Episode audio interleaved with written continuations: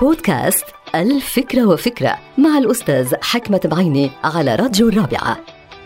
اليوم بدي أحكي عن الطقوس والعادات اللي بيستخدموها الناس بحياتهم الشخصية والاجتماعية وطبعا كلنا بنعرف أن الطقوس والعادات إلى أسباب وجذور تاريخية. ولكن شو هي أهدافها؟ وكيف بتتطور وبتتغير تلك الطقوس والعادات بالشكل والمحتوى؟ طبعا هون أعني طقوس الناس المتعلقة بالمناسبات السعيدة كالأفراح مثلا أو المناسبات الحزينة كالمآتم تتغير عادة تلك الطقوس بعد وقوع أحداث معينة كالحروب مثلا أو بعد اكتشافات طبية كاكتشاف شبكة الدي ان اي أو بعد اختراعات مهمة كاختراع هاتف الموبايل. تتغير تلك الطقوس تحديدا وبشكل واضح بعد انتشار الأوبئة والأمراض المعدية بين الناس. الطقوس اللي كانت متبعة قبل انتشار كوفيد 19 اختلفت عن الطقوس خلال هذا الوباء وأنا أكيد إنه ستستمر. فهل تغيير الطقوس والعادات أمر إيجابي ومفيد للبشرية؟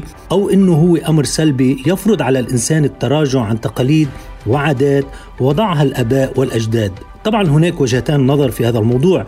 وجهة النظر الأولى تتمسك بالطقوس والعادات مهما حصل لأنه هي معروفة ومجربة ولا تتطلب المواجهة أو التحدي من أجل التغيير. أما وجهة النظر الثانية فهي مع تغيير العادات والتقاليد لأنه تفتح آفاق جديدة من العلاقات تتحدى الصعاب الناتجة عن هذا التغيير.